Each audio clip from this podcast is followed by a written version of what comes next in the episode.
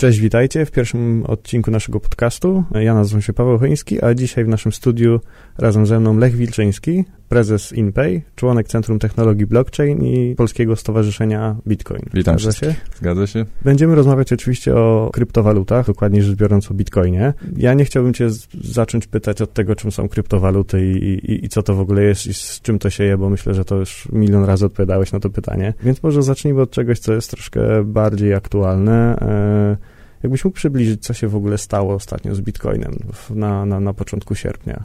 Mieliśmy do czynienia z, przez ostatnie dwa lata mm, tak naprawdę z pewną dyskusją odnośnie tego, w jaki sposób dalej protokół tej zdecentralizowanej waluty ma się dalej rozwijać. I mm, ta dyskusja głównie dotyczyła problemu skalowania sieci. Czy powinniśmy pozwolić na to, żeby bloki transakcyjne, czyli ilość danych, y, które są zapisywane co mniej więcej kilka minut, co 10 minut na dyskach y, komputerów na, na całym świecie, w globalnej sieci, czy na węzłach y, sieci Bitcoin, czy powinny być większe i umożliwić na przykład większą ilość transakcji na sekundę, czy, czy jednak e, podejść do tematu z zupełnie innej strony i na przykład e, skompresować bardziej transakcje i pozostawić e, wielkość bloku na tym samym poziomie. Oczywiście oba rozwiązania mają swoje wady i zalety i mm, społeczność skupiona wokół Bitcoina no, nie, nie mogła, że tak powiem, dojść do porozumienia. I to, ten efekt tego nieporozumienia czy można innej wizji dotyczącej mhm. rozwoju sieci skończył się tym, że w, sieć Bitcoin rozdzieliła się na dwa osobne łańcuchy. Jeden, który wprowadza usprawnienie w postaci kompresji e, transakcji, a drugi, który wprowadza rozwiązanie, które polega po prostu na zwiększeniu wielkości bloku z 1 MB na 8 MB. W tym jednym przypadku mamy e, zwiększenie ilości transakcji poprzez to, że więcej ich może się zmieścić w jednym megabajcie, e, tak dla, dla uproszczenia, a w drugim przypadku po prostu mamy E, zachowanie poprzedniego w, e, sposobu działania protokołu z tym, że, że powiedzmy bloki są 8 megabajtowe. To drugie rozwiązanie może mieć taką wadę, że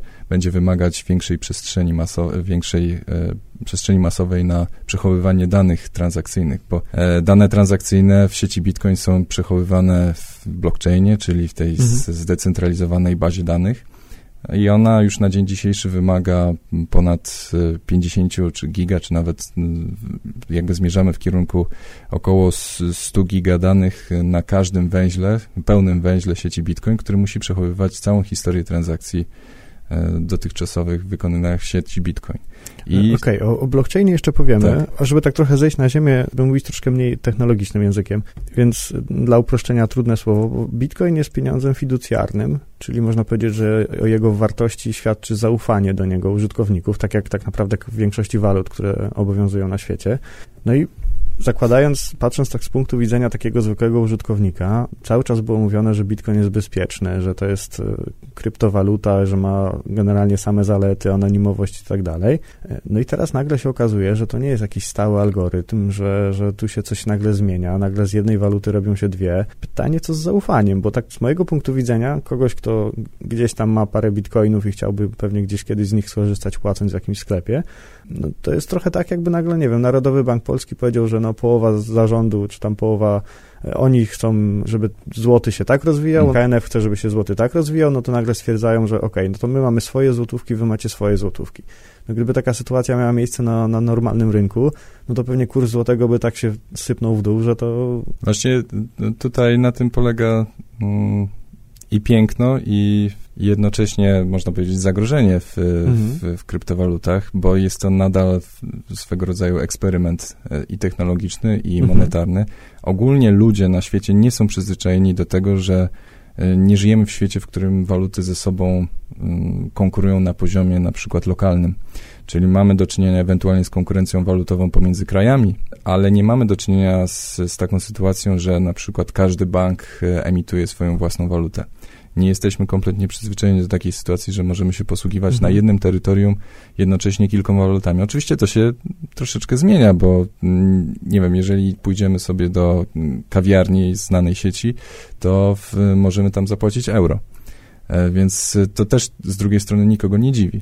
Mhm. Natomiast w przypadku Bitcoina też pokazuje to, że jeżeli jest jakaś niezgoda, jeżeli jest jakiś, jest jakaś wizja albo coś idzie w złym kierunku, to zawsze można, tak jak w przypadku oprogramowania open source, można stworzyć własny własny odłam i spróbować udowodnić światu, że ta wizja jest lepsza niż inna. Więc e, z punktu widzenia samej cech e, Bitcoina, jako i powiedzmy tych wewnętrznych mhm. cech, jeżeli chodzi o, o liczbę jednostek i tak dalej, to się nadal nic nie zmieniło. De facto powstały tylko dwie e, osobne waluty. Okej, okay, ale to w takim razie kto może decydować o tym, jak będzie wyglądać Bitcoin? Bo do tej pory E, ja wiem, że to nie do końca o to chodzi, ale mówiło się o tym, że generalnie na, na bitcoina się nie da wpływać. Oczywiście mówiono między innymi o kursie, tak, że nie da się go e, dodrukować, tak jak w zwykłej większości walut, które obowiązują na świecie. No ale nagle okazuje się, że jest jakaś grupa ludzi, która może wpływać na tą walutę. No i teraz pytanie, kto to jest i w jakim stopniu może wpływać? Czy... No, jeżeli powstanie grupa, która ma odpowiednio dużą duże przebicie i jest bardzo wokalna, no to może, może spróbować przyciągnąć do siebie, powiedzmy, zainteresowane osoby. No, w tej chwili mamy przecież nie, Bitcoin nie jest jedyną kryptowalutą, jest ich mm. ponad, no, można by powiedzieć, już liczyć prawdopodobnie w, tyś, w tysiące, znaczy w ponad tysiąc e, różnych kryptowalut, więc e, one też się biją o uwagę e, użytkowników, więc to nie tylko odłam bitcoina, jakoś alternatywna wizja jego rozwoju walczy o uwagę użytkowników, ale setki innych kryptowalut. Więc, ale każdy, każda z tych walut ma swoją wewnętrzną cechę, którą jest mhm. efekt sieciowy. I tego efektu sieciowego nie da się tak łatwo skopiować. I to jest taka kluczowa cecha, o której trzeba pamiętać zawsze, że w, nie, nie da się też również e, tak samo wartościować e, kryptowalut. Jeżeli ktoś stworzy swój własny odłam, no to musi stworzyć odpowiedni e, efekt sieciowy, musi nakłonić w jakiśkolwiek sposób użytkowników musi do tego, żeby... zainteresowanie. Tak, żeby instalowali sobie portfele, żeby zabezpieczali sieć, żeby akceptowali tę formę płatności i tak dalej, i tak dalej. Więc to nie jest takie, takie proste i wiel, wielu osobom, głównie w kontekście blockchaina, E, mówiących e, o takim, e, takiej koncepcji, że no Bitcoin nie przetrwa, ale blockchain tak, więc no, o blockchainie to... coraz więcej się mówi, nawet na konferencjach, które my organizujemy. Tak, natomiast jest to, jawi się to jako kompletne nie, niezrozumienie tematu z punktu mhm. widzenia technologicznego, bo blockchain jako taki jest problemem jakościowym. Więc y, nie można powiedzieć, że coś jest blockchainem i ma na, nagle te wszystkie cechy, które przypisujemy czemuś takiemu jak blockchain. Czyli niezaprzeczalność transakcji, mhm. E, brak możliwości manipulowania zapisem e, w ten, na takim blockchainie, czy w, e, zasięg, czy, czy zaufanie przede wszystkim do, do tych danych, które są zapisane na danym blockchainie. Więc jeżeli ktoś mówi, o, stworzy sobie blockchain, mhm. no to tak naprawdę wcale nie oznacza, że to, co on zaproponuje światu, będzie godne zaufania, będzie niezaprzeczalne i w, będzie w jakikolwiek sposób miało te wszystkie inne cechy, które przypisujemy na przykład dzisiaj blockchainowi Bitcoina. Mhm. I, I też e, wiele osób, e, to, to też nie, no, trzeba zacząć to jednak dementować, bo, bo to się robi wręcz kuriozalne, że w, mhm. coraz więcej osób powtarza tego typu tezy, że, że blockchain może występować jako Mm, osobny, osobny byt, mhm. Co, jest, co jest nieprawdą, bo de facto blockchain jest tylko i wyłącznie strukturą danych, która sama w sobie nic nie znaczy. To jest y, dopiero w połączeniu z algorytmem konsensusu, jakim w tym przypadku jest protokół Bitcoina, zaczyna mm, zyskiwać mhm. na znaczeniu, więc nie może funkcjonować w oderwaniu od y, na przykład waluty, od w tym wypadku od całej sieci, która próbuje utrzymywać ten blockchain i utrzymywać jego cechy niezaprzeczalności, rozproszenia itd., tak itd. Tak Ale to przypomina sytuację, która jest na normalnych rynkach walutowych, czy w ogóle w normalnym systemie finansowym, dlatego że samo wydrukowanie pieniądza nie nadaje mu wartości. Tak? Dokładnie. Tak? To jest, każdy może sobie wydrukować oczywiście nie te sygnowane sygnaturami Narodowego Banku Polskiego, bo za to można e, oberwać, ale mm, no, samo wydrukowanie własnej, własnej papierowej waluty też niczego nie daje, tak? Poza tym, że w, w, poza internetem byłoby to jeszcze niezgodne z prawem i, i, i, i stanowi jakieś dodatkowe e, prawne przeszkody są jeszcze, ale, ale, ale faktycznie samo, e, samo stworzenie pieniądza nie, nie nadaje mu wartości, tak, co, e, co mamy mniej więcej od, od, od, od Bretton Woods i od tych wszystkich zmian, które wprowadzono wtedy. No dobrze, więc wiemy już o tym, że jest to tak naprawdę bardzo podobne zjawisko, które występuje na klasycznym pieniądzu. No tylko dalej pytanie, w jaki sposób się zmienia algorytm Bitcoina. Znaczy powiedziałeś, że ktoś, kto osiągnie jakiś, jakąś, jakąś większość czy jakiś pogłos. Ostatnie zmiany. Kto to wprowadził? Ostatnie zmiany. Znaczy, jeżeli mówimy o zmianach dotyczących, bo mamy te dwa mhm. łańcuchy, mhm, tak, o, tak, tak, oczywiście, tak, tak. i jedna część łańcucha y, robi y, dalszy, można powiedzieć, ewolucję poprzez wprowadzenie mechanizmu tak zwanego SegWit, mhm. y, pewnego algorytmu właśnie kompresowania transakcji, który umożliwia również stworzenie w sieci transakcyjnej na wyższym poziomie, tak zwany Lightning Network, który umożliwi dokonywanie E, tysięcy transakcji na sekundę wręcz e, mhm. w, na, na, na wyższym poziomie e, protokołu. Natomiast z drugiej strony właśnie mamy w Bitcoin Cash, mhm. który jest promowany przez chiński, chińską firmę, która zajmuje się miningiem.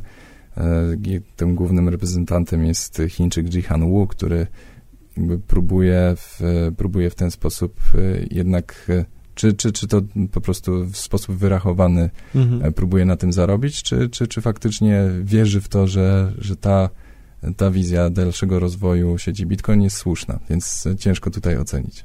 Ale mamy w tej chwili rzeczywiście dwie, dwie różne waluty i stała się rzecz naprawdę mm, absurdalna, gdyż po podziale kapitalizacja łączna obu kryptowalut nie pozostała na tym samym poziomie, tylko się zwiększyła o ponad 30%. Y, więc Jak to możliwe? No, jest to, jest to w, ciężko to, ciężko to wytłumaczyć. Jedynie można to wytłumaczyć faktem e, napływu zewnętrznego kapitału w ogóle na rynek mhm. kryptowalut. Ale e, zgodnie z takim, można powiedzieć, prawem pod, po, podaży i popytu, teoretycznie cena bitcoina powinna spaść, tego powiedzmy mhm. pierwotnego, a e, o tyle, o ile w, w, na tyle, na ile jest wyceniana ta druga kryptowaluta, no tak. a to się nie stało, a tu mam do czynienia, mieliśmy z sytuacją, gdzie łączna kapitalizacja tych obu wzrosła, więc ja osoby, nie które... jeszcze o istnieniu kontraktów terminowych na bitcoina, e, ani na kryptowaluty, w związku z czym ktoś musiał założyć, że, e, że któraś z walut odbije do góry tak. jeżeli zainwestował. I, i, co, I właśnie ciekawa rzecz się stała, że osoby, które posiadały bitcoiny, de facto w ciągu kilku godzin zyskały 30% znikąd. No tak, bo Więc... w, na chwilę, kiedy nagrywamy tą, tą audycję, jeżeli się nie mylę, to jesteśmy na kolejnych szczytach. Tak, albo przynajmniej dogoniliśmy tak, poprzednią górkę, tak. ale jest to, to znowuż... E, A już, już nie mówiąc o tym, że cena samego bitcoina nagle po 1 sierpnia znacząco, znacząco wzrosła, więc to też było kompletnie nie, nikt, te, nikt tego nie, nie antycypował. Okej, okay. E, no dobrze, ale to przejdźmy do tego, co to oznacza tak naprawdę dla zwykłych użytkowników. Przed nagraniem rozmawialiśmy między innymi o tym, że część ludzi inwestuje w bitcoin i chce na nim zarobić, a część chce w jakiś sposób zabezpieczyć środki, które posiada i ewentualnie korzystać z nich jako z tradycyjnej waluty, po prostu płacić gdzieś nimi. Nie jest to w celach zarobkowych, tylko bardziej, nie wiem, dywersyfikacji pieniędzy, które posiadają. Mhm. E, te zmiany jakoś bezpośrednio wpływają na nich? Bezpośrednio nie, bo de facto e, osoby, które posiadały bitcoina, mogą, nie muszą robić w tej chwili nic.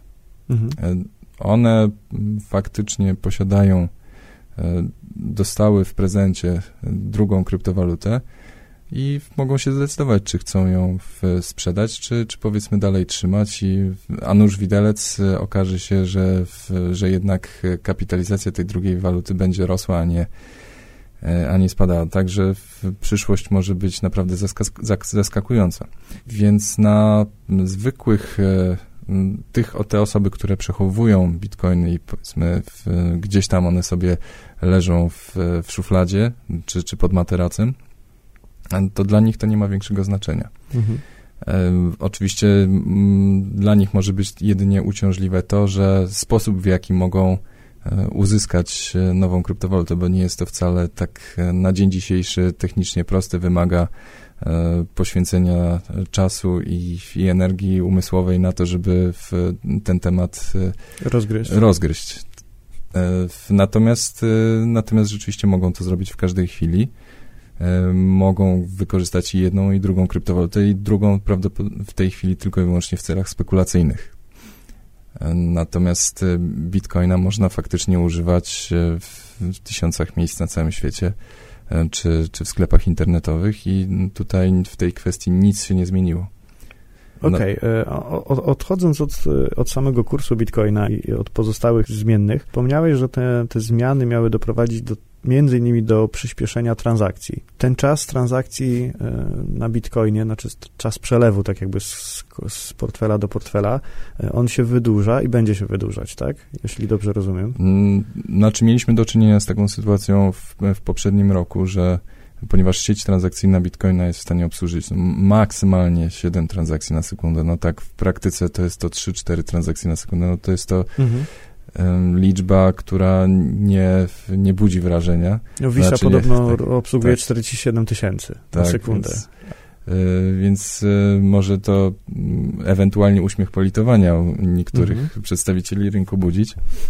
E, natomiast w, rzeczywiście w, w efekcie konsekwencje tego było takie, że jeżeli ktoś chciał przesłać transakcję, no to musiał zapłacić za to odpowiednio więcej, bo mhm sieć Bitcoin charakteryzuje się tak zwanym rynkiem prowizji, że kto chce być e, szybciej obsłużony przez sieć, e, chce, żeby jego transakcja została szybciej mm, przetransmitowana, to musi za to zapłacić odpowiednio więcej niż inni, czyli de facto jest e, jakaś forma licytacji. Czyli I, jest jakiś system kolejkowania w tak, kopalni, tak? Tak, Czyli... oczywiście ktoś może zapytać, ale po co to jest? No jest to głównie po to, żeby nie spamować tej sieci transakcyjnej, mhm. żeby spamowanie tej sieci w, po prostu było kosztowne. E, natomiast e, rzeczywiście, jeżeli ktoś zaczyna inwestować w spamowanie takiej sieci, no to pozostali użytkownicy, którzy chcą wykorzystywać do celów takich codziennych typu płatności, no to mogą się zdziwić, bo nagle okazuje się, że za wysłanie drobnej transakcji muszą zapłacić e, gigantyczną prowizję transakcyjną. I, I, to rzeczywiście też e, było ne bardzo negatywnie postrzegane przez e, potencjalnych użytkowników Bitcoina i samych użytkowników Bitcoina, którzy się czuli mhm. troszeczkę zawiedzeni, że tra transakcje bitcoinowe miały być przecież takie tanie, praktycznie bezprowizyjne, a tu się okazuje, że żeby Czy przesłać bitcoiny trzeba zapłacić. Czyli y, zwiększono wydajność samej sieci? Tak, no to się de facto jeszcze nie stało, to dopiero w, de, została podjęta za, zaklepana decyzja na ten okay. temat. E, sama, s, sama aktualizacja sieci dopiero w, faktycznie nastąpi w ciągu kolejnych dwóch miesięcy.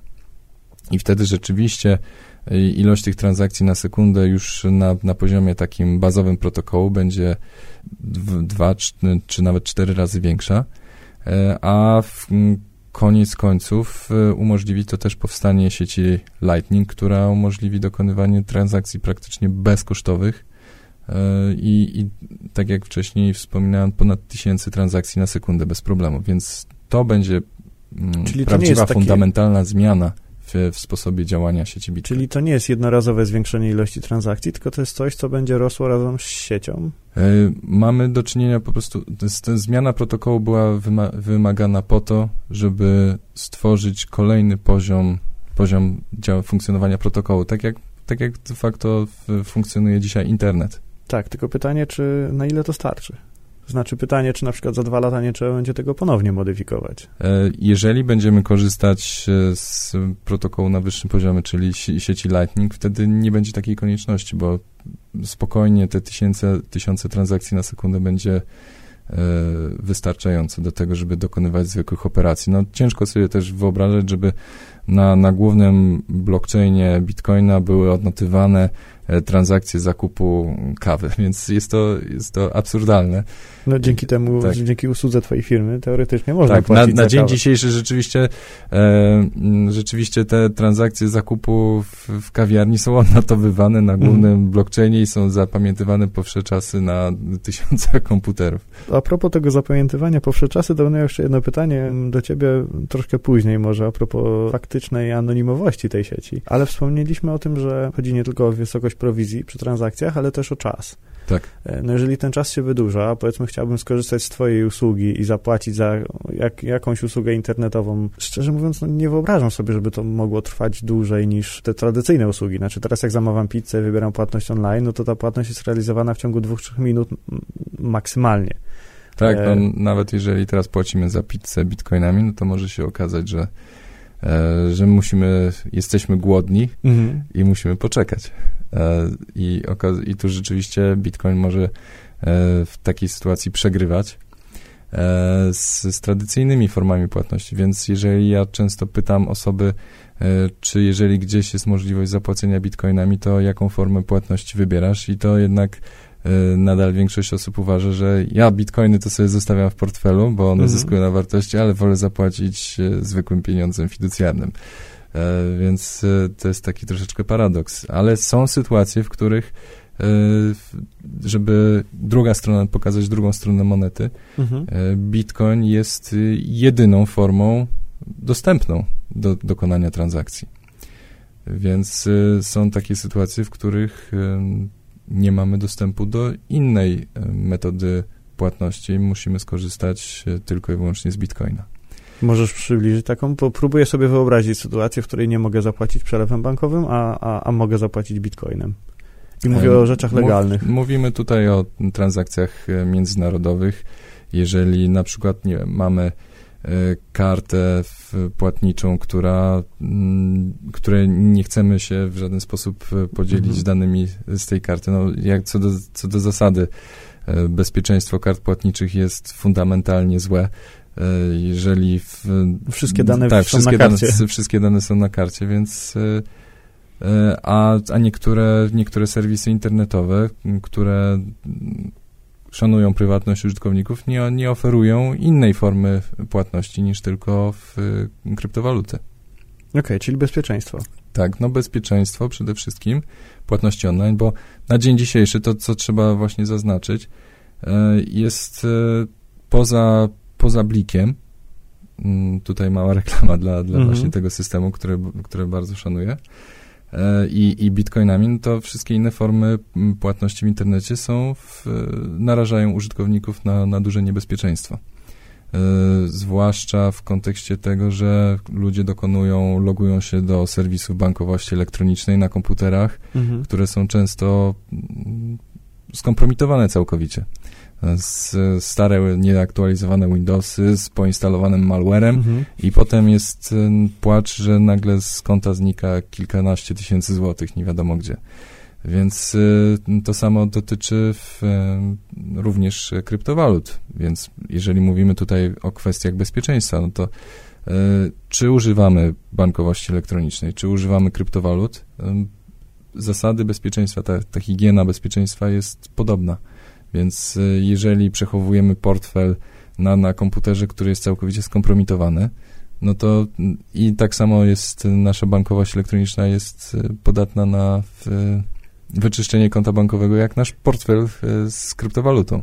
Czyli jeżeli ktoś ma hasło do bankowości internetowej 1, 2, 3, 4, 5, 6 i takie samo hasło ma do, do, do, do swojego portfela bitcoinowego, no to i tu, i tu jest y, to na równym poziomie bezpieczeństwa, czyli Albo, zero. No, są w, malware w tej chwili jest bardzo w, y, to znaczy, to jest typ oprogramowania, który bardzo ewoluuje i mhm. Y, uczy się, albo raczej twórcy uczą się na, na bieżąco i one są coraz bardziej w metody czy wykradania informacji, czy danych, czy przechwytywania kont, czy czegokolwiek robią się coraz bardziej wyszukane i naprawdę ciężko się przed tym obronić. I ja sobie nie wyobrażam takiej sytuacji, żeby ktoś, kto ktoś loguje się do swojej bankowości elektronicznej czy portfela na komputerze, który jest to ogólnodostępny, czy używają go dzieci w domu, czy, czy ktokolwiek inny, mhm. kto, kto może zainstalować na tym komputerze cokolwiek. Więc y, to też jest bardzo ważne z punktu widzenia użytkowników, że jeżeli korzystają z bankowości elektronicznej, to niech mają do tego celu dedykowane urządzenie, dedykowanego smartfona mhm. na przykład. E, czy w, i jeżeli już muszą w, robić wrażliwe operacje, to żeby robili to na systemie operacyjnym, który gwarantuje im chociaż minimum e, jakiegoś e, poziomu bezpieczeństwa. Okej, okay, to jest temat rzeka, myślę. Tak, to jest temat, temat, temat rzeka, ale rzeczywiście jest to w, palący problem. Mhm. Palący problem, ponieważ e, no jednak, jednak te czy, czy konta bankowe, czy, czy, do, czy konta poczty elektronicznej są non-stop obiektem e, ataków hakerskich, czy phishingu, czy, czy zmasowanych kampanii, więc e, jest to, jest to rzeczywiście palący problem. Zaciekawiłeś mnie, bo szczerze mówiąc, pewnie niesłusznie, ale taki pierwszy obraz, jaki mam, w połączeniu malware'u i bitcoina, to kojarzy mi się coś takiego, że po prostu jest maszyna jest infekowana tylko po to, żeby korzystać z jej zasobów do kopania bitcoinów. Pytanie do ciebie, czy się spotkałeś z takim bezpośrednio jakimś konkretnym malwarem, który atakuje konkretne rodzaje portfeli, czy, czy konkretnie konta giełdowe? Może atakuje? na przykład postępować w ten sposób, że podmieniać w locie, jeżeli na przykład ktoś kopiuje adres, na który chce e, dokonać wypłaty, to taki malware może na przykład w locie zmieniać e, zmieniać adres na jakiś inny i okazuje się, że wyślemy na przykład bitcoiny na zupełnie adres inny niż chcieliśmy. Czyli dokładnie ten sam mechanizm, który działa w przypadku klasycznej tak, bankowości, tak, tak? gdzie tak. banki się bronią często tym, że po wklejeniu adresu konta bankowego proszą o podanie jeszcze raz pierwszych dwóch cyfr, na przykład, żeby, żeby sprawdzić, czy na pewno nie uległo nic zmianie. No, część, część banków rzeczywiście bardzo dobrze podeszła do, e, do tematu takiego, można powiedzieć, dwustopniowego e, potwierdzenia mhm. E, przelewu, ale nie, nie wszędzie nadal tak jest. No dobrze, ale jeszcze wracając do czasu transakcji i, i wspomnianej przez ciebie mhm. pizzy, to znaczy, że jak zamówię pizzę, zapłacę za nią bitcoinami, to znaczy, że pizzeria mi po 20 paru minutach potwierdzi, o jest już przelew, to teraz dopiero mhm. zaczniemy ci robić tą pizzę, no, będzie za godzinę? My w InPayus staramy się ten problem rozwiązać i oferować przedsiębiorcom, jeżeli korzystają z naszego kanału płatności, to, to potwierdzenie e, transakcji, czy tego de facto przewalutowania mhm. mają no, kilka sekund po dokonaniu płatności przez klienta. I dzięki temu to, w, czy w e-commerce, czy takim, można powiedzieć, e, e, typowym przypadku point of sale, wtedy mhm. płatność bitcoinami ma sens. Bo w wielu wielu komentatorów widzi jakby widę, wadę ogromną w tym, że jeżeli na przykład mielibyśmy czekać na potwierdzenie transakcji, nie wiem, godzinę, mhm. E, to, w, to może to eliminować wiele przypadków użycia e, kryptowalut, no bo teoretycznie, jeżeli kupujemy coś w sieci i i tak przesyłka ma dojść do, do nas za tydzień, no to nie, nie, nie, bardzo nas to przejmujemy się faktem tym, że, że transakcja zostanie potwierdzona w ciągu pół godziny czy godziny, ale jeżeli mamy do czynienia z transakcją taką point of sale w sklepie, mhm. bezpośrednio przy kasie, albo e, zamawiamy tą przysłowiową pizzę, którą chcemy, żeby doszła do nas jak najszybciej, no to jednak zależy nam na tym, żeby to było potwierdzone w kilka sekund. I mm, też, e, jeżeli mówimy tutaj o konkurencji między e, kryptowalutami, to też e, wiele, wiele kryptowalut, które próbują zyskać e, uwagę potencjalnych użytkowników, próbuje się reklamować czy oferować e, na przykład natychmiastową obsługę transakcji, czy szybsze potwierdzenie, czy, ale też trzeba pamiętać, że to jest zawsze jakiś kompromis. To jest zawsze jakiś kompromis, y, który mm, trzeba się zastanowić, na czym nam tak naprawdę najbardziej zależy. Czy zależy nam na tym, żeby ta transakcja była niezaprzeczalna, żeby to było dokonywane w, w walucie, która jest pewna, która mhm. przetrwa e, najdłużej i w, która w, jakby zaoferuje na ten największy poziom niezaprzeczalności, e, pewności w, o, o, i czy, czy na, na, na najszerszego dostępu. No właśnie, powiedziałeś o tej niezaprzeczalności i za tym kryje się tak naprawdę blockchain, czyli tak. to, że te wszystkie transakcje są historycznie gdzieś zapisane. No to tu mi się znowu zapala taka lampka, bo z jednej strony e, Bitcoin jest anonimowy, ale z drugiej strony wszystkie transakcje są zapisane. W erze analizy dużych ilości danych, jakiś data miningu, gdzie mamy totalnie nieskorelowane dane i one podlegają jakiejś analizie i wychodzą z tego jakieś sensowne rzeczy, e, no tutaj mamy korelację jeden mhm. do jednego powskazaną, tak? Tak, zgadza się. E, I rzeczywiście tutaj to jest swego rodzaju pseudoanonimowość. Więc e, póki, w, póki nie możemy w żaden sposób przypisać adresu do konkretnej osoby, mhm. no to rzeczywiście mamy jakiś zachowany poziom anonimowości, ale jeżeli ktoś się uweźmie i wrzuci blockchaina do obiektowej bazy danych, zacznie robić analizy połączenia, próbuje zna znalezienia ścieżki pomiędzy e, dwoma mhm. teoretycznie niepowiązanymi ze sobą e, adresami, no to może wyciągać jakieś wnioski. I w, rzeczywiście, jeżeli się mm, od, odpowiednio dużo w to zainwestuje czasu i analizy, to można, mm, można próbować mhm. klastrować transakcje, robić różne e, mniej lub bardziej zaawansowane analizy, próbować łączyć dane, jakąś e, formułować jakiś e, proces dedukcyjny, e, wiązać dane, które są gdzieś publiczne, dostępnie w internecie. I, i można w, w ten sposób e, tą anonimowość praktycznie zredukować do zera. do zera. Y, popraw mnie, jeśli się mylę, bo ja widzę tu taką analogię do korzystania z przeglądarek internetowych. To znaczy, jeżeli zmienimy przeglądarkę, ale zlogujemy się znowu na konto Google'owe, to Google wie, że ta druga przeglądarka tak. też jest nasza. Tak. E, jeśli skorzystamy z VPN-a i wyślemy nasz sygnał przez, nie wiem, przez jakąś Grenlandię, i, ale będziemy dalej zalogowani na koncie Facebooka, czy gdzieś popełnimy jakiś drobny błąd, gdzie e, któryś z dużych sieci reklamowych, czy, czy, czy to Facebook, czy Google, czy jakakolwiek inna, będzie w stanie wyłapać, że to jesteśmy my, e, no to nie ma to w tym momencie znaczenia, no bo ta anonimowość jest stracona, tak? Czyli żeby tak naprawdę Bitcoin był anonimowy, to musielibyśmy z anonimowego konta, z anonimowej przeglądarki na jakimś anonimowym serwerze założyć nowe konto, tak, i w jakiś sposób je anonimowo zasilić i dopiero wtedy płacić za tą usługę i też odbiór tej usługi musiałby być anonimowy. Tak, no plus do tego dane zapisane na blockchainie też nie, nie, nie powinny pozwalać na to, na powiązanie ze sobą dwóch adresów, e, co zresztą w inne kryptowaluty typu Monero, czy Zcash, czy w, nie wiem, czy jest jeszcze jakaś inna, która na podobnym poziomie oferuje e, poziom anonimowości transakcji, gdzie rzeczywiście nie da się e, zauważyć e, powiązania pomiędzy dwoma adresami, ani, w, ani, ani kwot, ani w żadnej ścieżki transakcyjnej. Tak samo w przypadku Lightning Network na Bitcoinie też będziemy mieli do czynienia z taką sytuacją, że de facto nie będzie się dało powiązać dwóch, e, dwóch adresów. Oczywiście pozostają te kwestie, o których wspomniałeś przed chwilą, mhm. E, dotyczące jakichś pozostawiania za sobą metadanych, e, w, zwłaszcza w, też w kontekście tego, że w niektórych krajach w tej chwili zakazuje się całkowicie korzystania na przykład z, z serwerów VPN. Mhm. Czy, czy to mam do czynienia z Arabią Saudyjską, Rosją i Chinami w tej chwili. E, czy w Chinach zatrzymuje się ludzi na ulicy po to, żeby zainstalować na ich smartfonach specjalne oprogramowanie, które ma w jakiś sposób ich śledzić, więc mamy tutaj do czynienia z taką, można powiedzieć, e, swego rodzaju wojną o prywatność, a z drugiej strony próbą e, całkowitej eliminacji tej prywatności. Brzmi trochę jak koniec internetu. Znaczy, no, internet co do zasady nie jest w żaden sposób, znaczy jawi się jako takie zdecentralizowane narzędzie komunikacyjne, ale takim nie jest.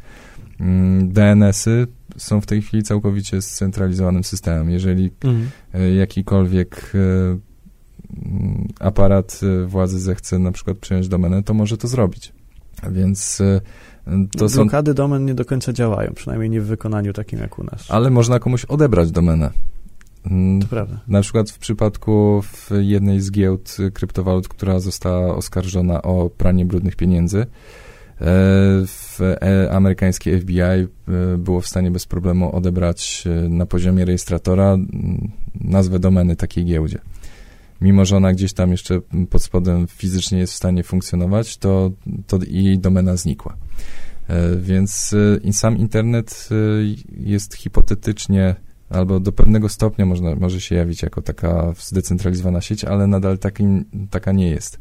Czy na poziomie właśnie na, na, nazw, rozwiązywania nazw, czy, czy chociażby na poziomie samej struktury sieci. Mhm. Bo jeżeli możemy odciąć kabel światłowodowy do jakiegoś kraju i, i nagle ten kraj ma problem z dostępem do internetu, E, nie mamy na, użytkownicy na, do dnia dzisiejszego nie korzystają, czy nie mają w ogóle technicznych możliwości do tego, aby korzystać z tak zwanych e, sieci meszowych, żeby, które, które w ogóle nie wymagają jakiegoś, e, powiedzmy, takiego typowego routingu, jak mamy, nie wiem, bo na dzień dzisiejszy musimy się podłączyć do naszego operatora, ten operator mhm. do jakiejś wyższej, wyższej struktury. E, a, w, a de facto sama sieć na dzień dzisiejszy nadal nie jest w żaden sposób rozproszona.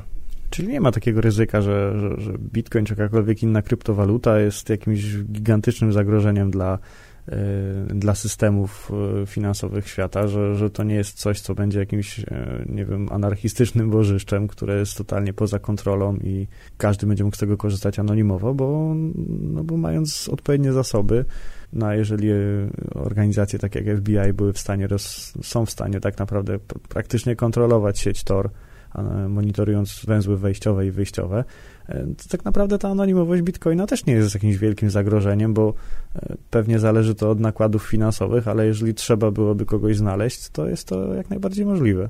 No to ale z drugiej strony to też pokazuje, że jeżeli ktoś chce dokonywać przestępstw mhm. przy użyciu kryptowalut, no to mm, nie może czuć się bezpieczny.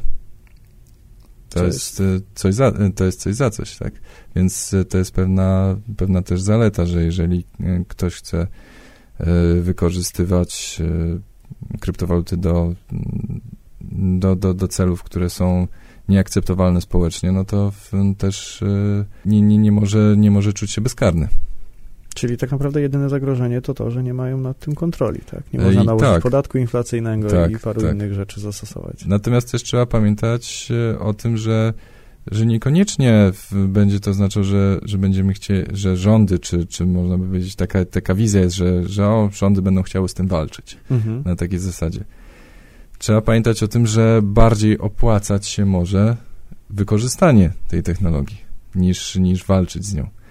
No Więc... właśnie, bo przed, przed, przed nagraniem ja, ja zasugerowałem, że być może trochę bardzo odpłynąłem, a, no ale jestem w trakcie lektury Pacyfik Eurazja o wojnie Bartosiaka, który opisuje z punktu geopolitycznego, może nie konflikt, ale sytuację, która się teraz rozgrywa na świecie, czyli to, że Chiny E, dążą do dominacji, Stany się strasznie mocno bronią przed tym. W każdym razie chodzi o to, że no, niektórym gospodarkom, szczególnie tym, które są, są w jakiś sposób skonfliktowane ze Stanami, może zależeć na tym, żeby się rozwinęła e, waluta, która będzie teoretycznie niekontrolowana, mm, ale z drugiej strony dla nich może być korzyścią to, że po prostu zastąpi dolara na rynku. E, owszem, możemy mieć do czynienia z takim najbardziej klasy, klasyczną formą dylematu więźnia, w której w, nagle czy, czy kraj, czy grupa krajów zdecyduje się na to, żeby wykorzystać kryptowaluty jako narzędzie w wojnie walutowej. E, mhm. No bo nie, nie ma się co oszukiwać. No, wojny walutowe trwają od, e, odkąd tylko powstały waluty fiducjarne. Więc w tej chwili nawet Stany Zjednoczone grają na to, żeby osłabić swoją walutę. Szwajcaria gra na to, żeby osłabić swoją walutę po to, żeby w jakiś tam sposób można powiedzieć, zwiększyć, nie wiem, na przykład eksport. E, mhm. Amerykanie próbują robić to samo, więc e, oczywiście jest to mm, taka gra troszeczkę na wyniszczenie w pewnym sensie, bo ale banki centralne na całym świecie mm, eks, totalnie eksperymentują. Mimo, że teoretycznie powinny dbać o stabilność finansową swoich krajów, to de facto podejmują najbardziej szalone eksperymenty w, w dziejach historii ludzkości.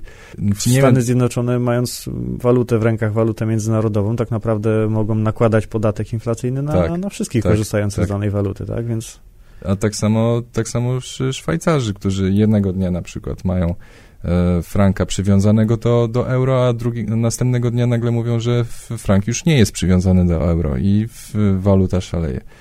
Raz frank szwajcarski kosztuje prawie 5 zł, a, w, a teraz, teraz się mówi, że będzie 3 tak, kosztować. Tak? To samo dotyczy funta brytyjskiego, który teoretycznie reprezentuje jedną z najbardziej stabilnych gospodarek świata, mhm. a w ciągu praktycznie niecałego roku mm, wartość tej waluty straciła na wartości ponad 20%. Teraz paradoksalnie polska złotówka e, polski złoty jawi się jedno, jedna z, jedno z, naj, z mocniejszych walut na świecie, więc tutaj mamy do, do czynienia z dosyć e, absurdalnymi sytuacjami.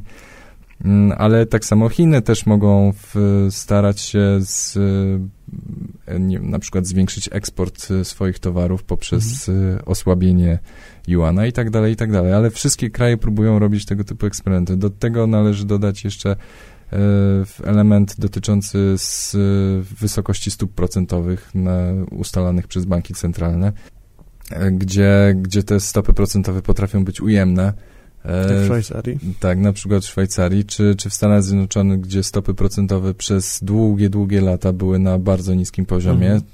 Teoretycznie po to, żeby stymulować rozwój gospodarki, ale te stopy procentowe nie mogą być w nieskończoność na, na tak niskim poziomie. I nie da się tego utrzymać. Rynek, rynek nie będzie w stanie, znaczy no, nie, nie będą mieli w pewnym momencie wyjścia. E, więc e, mamy do czynienia z, z szalonymi eksperymentami mo monetarnymi na całym świecie i tutaj dla osób, które postrzegają kryptowaluty jako wariactwo, to, w, to gwarantuje, że, że to, co wyprawiają w tej chwili banki centralne, może być jeszcze bardziej wariackie niż, niż powstanie czy zjawisko kryptowalut. No właśnie, ale mm, w kryptowalutach nie ma czegoś takiego jak bank centralny, nie ma stóp tak. procentowych, a mimo wszystko, obserwując no chociażby bitcoina, e, no wahania kursu są dosyć duże. No i dla niektórych, znaczy dla większości osób pewnie to jest e, wada, dla ludzi, którzy chcą inwestować w bitcoina i zarabiać na tym, to jest pewnie duża zaleta, bo tak naprawdę duża zmienność daje też duże zyski potencjalnie. Dla osób, które spekulują na co dzień, to może być niezła zabawa. Tak. E, zresztą, ponieważ inne waluty są dosyć stabilne, znaczy nie, ich, ich, ich cena kursu dolara do euro nie skacze aż tak bardzo jak cena bitcoina do euro, no ale przez to na przykład na rynku forexowym stosuje się e, lewarowanie, czyli tak naprawdę inwestuje się o wiele więcej niż się ma w portfelu, przez co te, te skoki tak naprawdę są, są dużo, dużo wyższe. Właśnie po to, żeby więcej zarobić. Na rynku kryptowalut też tego typu instrumenty się pojawiają, jak handel z dźwignią, a nawet ostatnio kontrakty opcyjne. Więc y, ten rynek też ewoluuje w, i rzeczywiście te, te narzędzia, które są znane z klasycznych rynków finansowych, pojawiają się również na, na platformach handlu kryptowalut i widać, że ten, ten rynek się bardzo profesjonalizuje.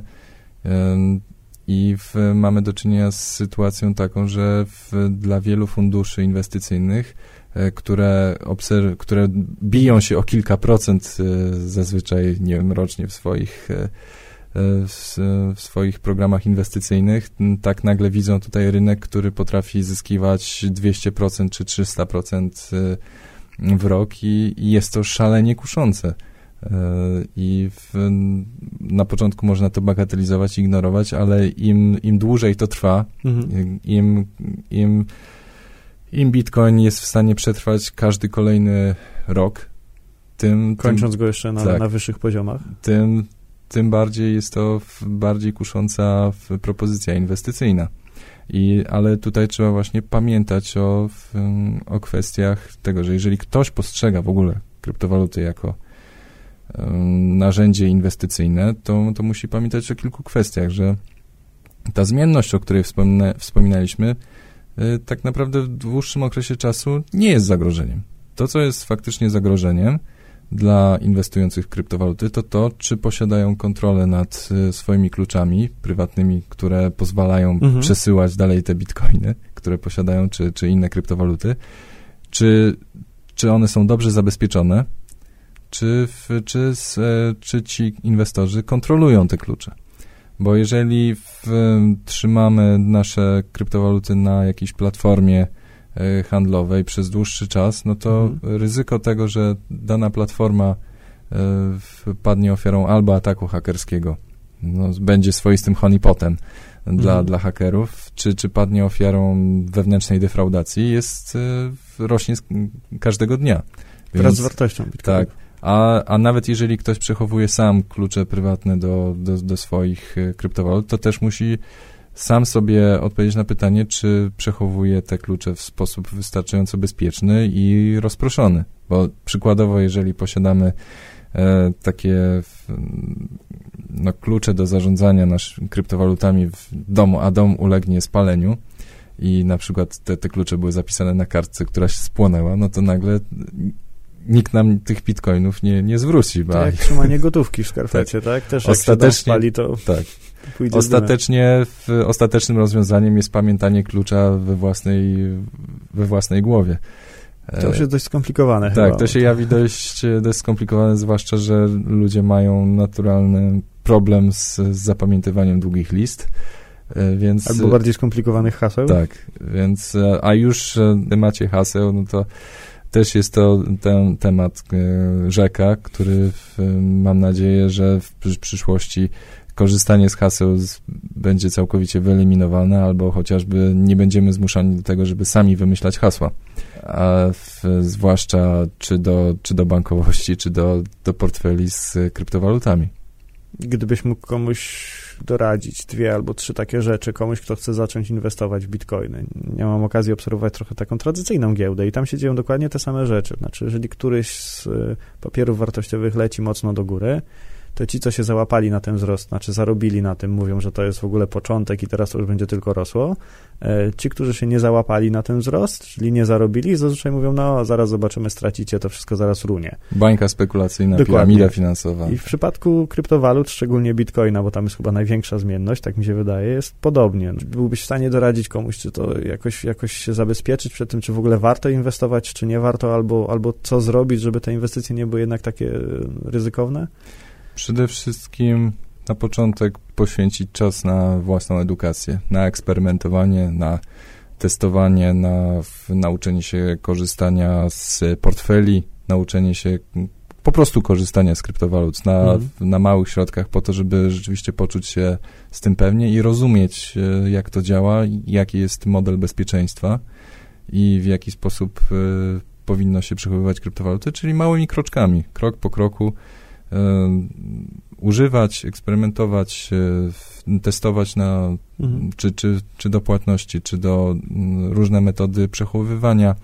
Jeżeli ktoś już z, zaczyna myśleć o inwestowaniu większych środków, bo już czuje e, strach przed tym, że coś mu umyka, mhm. E, bo to jest rzeczywiście powszechne w momencie, kiedy cena, cena bitcoina w, osiąga kolejne szczyty, w tym momencie ten lęk przed e, przed tym, że jakaś cudowna okazja inwestycyjna nam umyka, jest ogromny i każdy próbuje w, nagle władować oszczędności życia w kryptowaluty. Kryptowaluty, tak. tak, no ale taka osoba powinna przynajmniej na początku na spokojnie właśnie poświęcić czas na edukację, kupienie sobie sprzętowego portfela bitcoinowego, nie, nie, nie, nie trzymać dużej ilości środków na, na zwykłym PC z Windowsem, broń Boże, i, i tak dalej, więc no przede wszystkim poświęcić czas na to, żeby mhm. w, na spokojnie nauczyć się korzystania z, z, czy z oprogramowania i sprzętu. Z narzędzia. Tak. Tak naprawdę no, dochodzimy do takiego punktu, kiedy wszystkie pozostałe porady to byłyby klasyczne porady inwestycyjne. Tak. Dywersyfikacja, tak. czyli nie pakować wszystkiego w jedną kryptowalutę, czy w ogóle w jeden instrument. To, że tak naprawdę jedynymi w miarę bezpiecznymi inwestycjami, jeśli można nazwać to inwestycją, to są lokaty wszystko, co daje więcej niż aktualne oprocentowanie lokat, wiąże się z jakimś ryzykiem, czyli im więcej powyżej lokat, powyżej oprocentowania lokat zarobimy, tym większe ryzyko. W kilku audycjach, które słuchałem na temat Bitcoina przed naszym nagraniem, niektóre osoby sugerowały, że Bitcoin jest niebezpieczny, bo inwestycja nie jest chroniona przez bankowy fundusz gwarancyjny, ale nie pamiętam, żeby gra na instrumentach, e, na papierach wartościowych na giełdzie była w jakiś sposób zabezpieczana przez bankowy fundusz gwarancyjny. No tam jak się straci na kursie, to się straci. Tutaj głównie mówimy o ryzyku związanym z przechowywaniem depozytów na mhm. platformach handlowych. Czyli o, o ile na przykład stracilibyśmy na akcjach, bo cena jakiejś akcji by na przykład zanurkowała, no to rzeczywiście to jest nasza, mhm. nasza, strat, nasza strata i nikt nam tego nie zwróci. Natomiast jeżeli biuro maklerskie czy bank, który przechowywałby nasz depozyt, y, um, upadł, tak, jak, jak skok, czy jak inna, mm, inne, inne mniejsze, mniejsze banki w tej chwili, no to w tym momencie wkracza bankowy fundusz gwarancyjny, który gwarantuje depozyty do 100 tysięcy euro mhm. i w, jeżeli nie mieliśmy więcej, no to te środki są uratowano. Oczywiście ja nie, ja nie byłem w stanie e, znaleźć informacji, ile w tej chwili faktycznie zostało pieniędzy w Bankowym Funduszu Gwarancyjnym. Ciężko, naprawdę wiem, jakie, jakie kwoty muszą być zabezpieczone, mhm. jeśli ile, ile to miliardów złotych jest zdeponowanych Natomiast ile faktycznie zostało na potencjalne wypłaty, tego, tej informacji nie udało mi się znaleźć. E, to jest zabezpieczone, zdaje się, w ten sposób, że nasz lokalny bankowy fundusz gwarancyjny jest częścią Europejskiego Bankowego Funduszu mhm. Gwarancyjnego. Nie wiem, czy on się tak nazywa, ale to w ten sposób działa e, i to daje e, o tyle... Dodatkowe zabezpieczenie. Tak, to daje takie bezpieczeństwo, że jeżeli bank w jakimś kraju upada i w danym kraju bankowy fundusz sobie nie radzi z tym, to może zaciągnąć tak jakby pożyczkę z tego europejskiego ale to nie są pieniądze za darmo, trzeba o tym pamiętać. E, no tak, to, bo to jest przerzucane. Tak, Banki muszą odkładać tak. pieniądze do tego funduszu i przerzucają to Przerzucają na... koszty na potencjalnych klientów. Ale wracając do, do tematu Bankowego Funduszu Gwarancyjnego i zabezpieczenia środków, no to właśnie jeżeli giełda ulegnie, e, jeżeli firma, która prowadzi platformę handlową zniknie, e, czy z pieniędzmi klientów, to rzeczywiście nikt tych pieniędzy nie zagwarantuje. I o mhm. tym, to jest faktyczne, z tym trzeba się całkowicie zgodzić.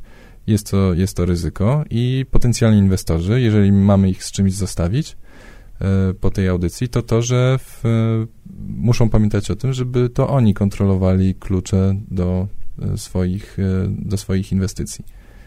A nie powierzali, nie, nie, żebyśmy nie, nie do, doprowadzili do takiej sytuacji, że technologii, która pozwala nam być swoim własnym bankiem, używać do tego, żeby w, powierzać te środki właśnie kolejnemu bankowi. Okej. Okay. No dobrze, czyli tak e, podsumowując, e, popraw mnie, jeżeli się gdzieś pomylę, albo jak gdzieś coś nie tak zrozumiałem. Generalnie kryptowaluty to są, poza kilkoma drobiazgami, są, działają bardzo podobny sposób do normalnego systemu e, walutowego. E, są tylko zdecentralizowane, no nie ma czegoś takiego jak e, bank centralny, nie ma kogoś, kto decyduje o stopach procentowych. E, działa to na trochę innej zasadzie, ale to nie znaczy, że to jest, że to jest gorsze i że to jest jakieś bardziej niebezpieczne.